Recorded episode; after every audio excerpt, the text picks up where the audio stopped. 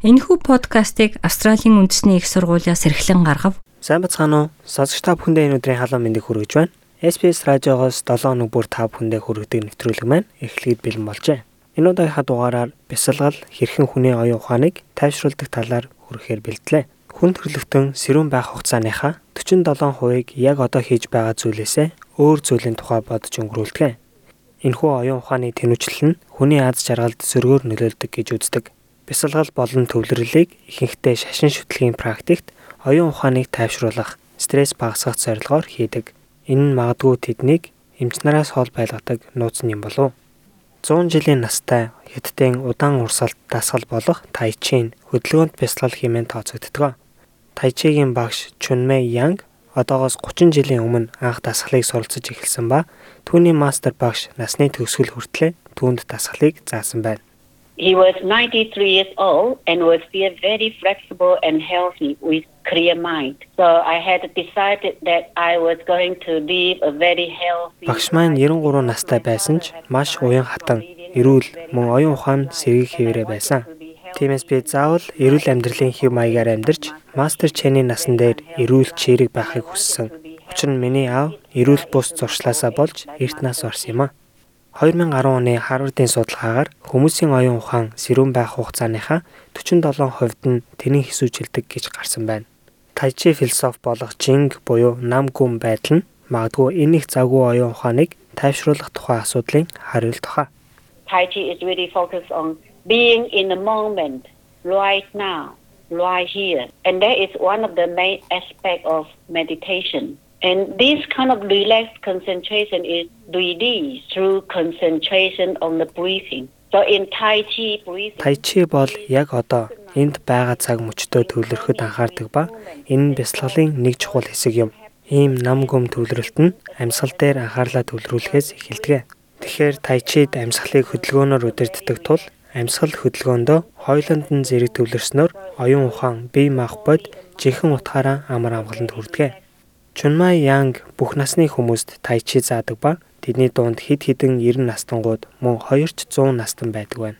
Хөдөлгөөнд бясалгал нь хүний бие махбод оюун ухаанд судалгаагаар батлагдсан эрүүл мэндийн олон ач тустай. Энэ нь уналт бэртлээс хамгаалж үе мөчний өвчин болон ой санамжийг сайжруулан мөн тэнэгрэл болон Альцгеймер өвчний эхлэлийг хойшлуулах үр нөлөөтэй байдаг.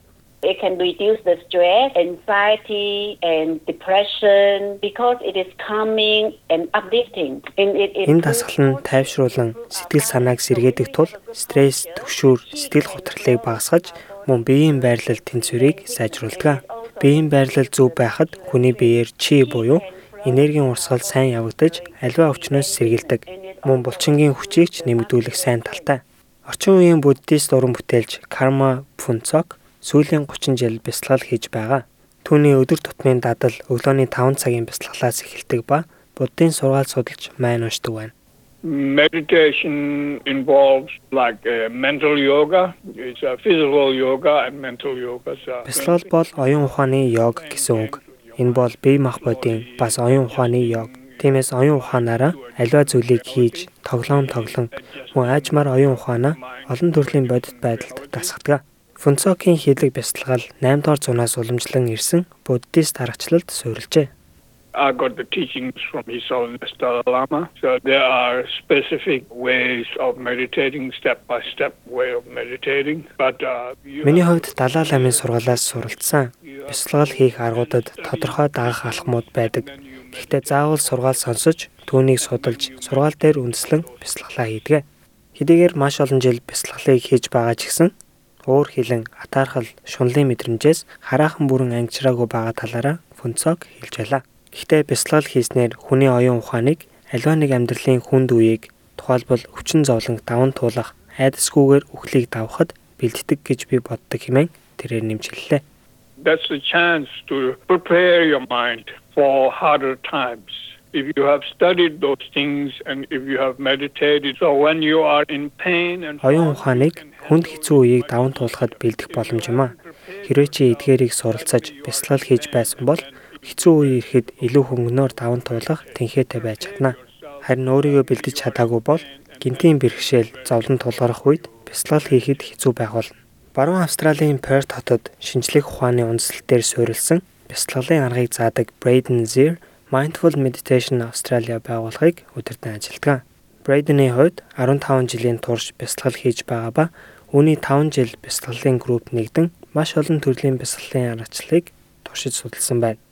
Meditation certainly has its roots in different religious philosophies. All of those religions and all of those practices kind of support the same thing, which is changing how we as Бясалгалын үндэс нь олон төрлийн шашны философос гаралтай. Эдгээр бүх шашнууд болон аргалчлууд нь үндсэндээ нэг л зүйлийг дэмждэг. Энэ хүний амьдралд байдаг олон янзын асуудлуудыг бид хэрхэн харж, даван туулах, мөн талархал, хүлээн зөвшөөрөх дадлыг сургаж амьдралыг өөр өнцгөөс харж эерэг амьдрахыг сургадаг. Төвлөрөл нь анхаарал хандуулах оюун ухааны чадвар үндсэндээ автомат идэвхгүй бодлын процессаас илүү чиг баримжаад ухамсарт бодол руу шилжих чадвар юм а. Энэ бодол нь талархал эсвэл тулгарчгүй асуудал руугаа төвлөрч болно in our brains, it actually grows gray matter in something called the prefrontal cortex, which is the very front of your brain. And that is the area where our personality lives, our values live, where our goals are. And meditation's actually been proven to increase the density in that area of the brain, which helps us. Бидний тархинд энэ процесс нь тархины духны буюу prefrontal cortex гэж нэрлэгддэг хэсгийн саарл эдийг нэмэгдүүлдэг. Тархины энэ хэсэгт бидний хувийн зан чанар, эрхэмлдэг зүйл болон зорилгыг хадгалан сануулдаг бясалгал хийснээр хүн өөрийгөө удирдан зохицуулагч тархины эдийн нэгтрчлийг ихсгдэг болох нь батлагдсан. Энэ хүн стресст орох эсвэл төгшөөрлөх үед аливаа зүйлийг тайвнаар хүлээн авч шийдвэр гаргах чадварыг хөгжүүлдэг. Үүнд удаанаар гүнзгий амьсгаа аван нүдэн анж та энэ амьдралдаа юу гэрхэмлэж ямар хүн байхыг хүсэж байгаагаа эргэн санан ямар ч үед түүндээ нийцсэн зөв шийдвэр гаргах явдал юм а. Та яг одоо маш энгийн амьсгалын дасгалаар эхэлж болно. Өөртөө тухтай цэх бэлэн байрлал авна. Энэ байрлалаа та өөрийн төвлөрөх байрлал гэж хэлж болно. Хоёр хөл газарт гараа өвдгөн дээрээ тавин аль болох тухтай гэхдээ хитрхи амралтын бус цэх бэлэн байдалтай байна. Төвлөрлийн байрлалаа олсны дараа күнзгий урт амьсгааг удаанаар тултлан авч бүх агаар гүйцэд гартал нь амьсгаагаа гаргана. Энэ маягаар үргэлжлүүлэн амьсгалахдаа өөрийн биеийн хөдөлгөөн хэрхэн өөрчлөгдөж байгааг анзаарч дахин нэг удаа амьсгалахдаа амьсгалаа хэвэн болгож нүдэн ажмаар нээгээрэй. Энэхүү дугаар маань та бүхэнд таалагдсан гэж найдаж байна. Дараагийн дугаараар та бүхэнтэйгээ тун удахгүй уулзцаая. Монгол өв уламжлал Монгол гэсэн өрмөц онцлогоо бид хэрхэн хадгалах вэ? Австралийн тэргуулах зэргийн их сургууль болох Австралийн үндэсний их сургууль нь монгол хэлний онлайн курсыг танд санал болгож байна. Монгол хэлийг сурснаар танд өөрийн сурлага, ажил мэргэжилдээ цааш дахин дэвших боломж гарах болно. Монгол хэлийг бүх шатнд сурч болохоос гадна та хаанч амьдардаг байсан зайнаа сурах боломжтой юм. 2020 оны эхний улирлын эсэлд 12 сард эхлэх болно. Дэлгэрэнгүй мэдээллийг Asia Pacific цэг, ANU цэг, EDU цэг, AU зураас Languages холбоосоор орж авна уу?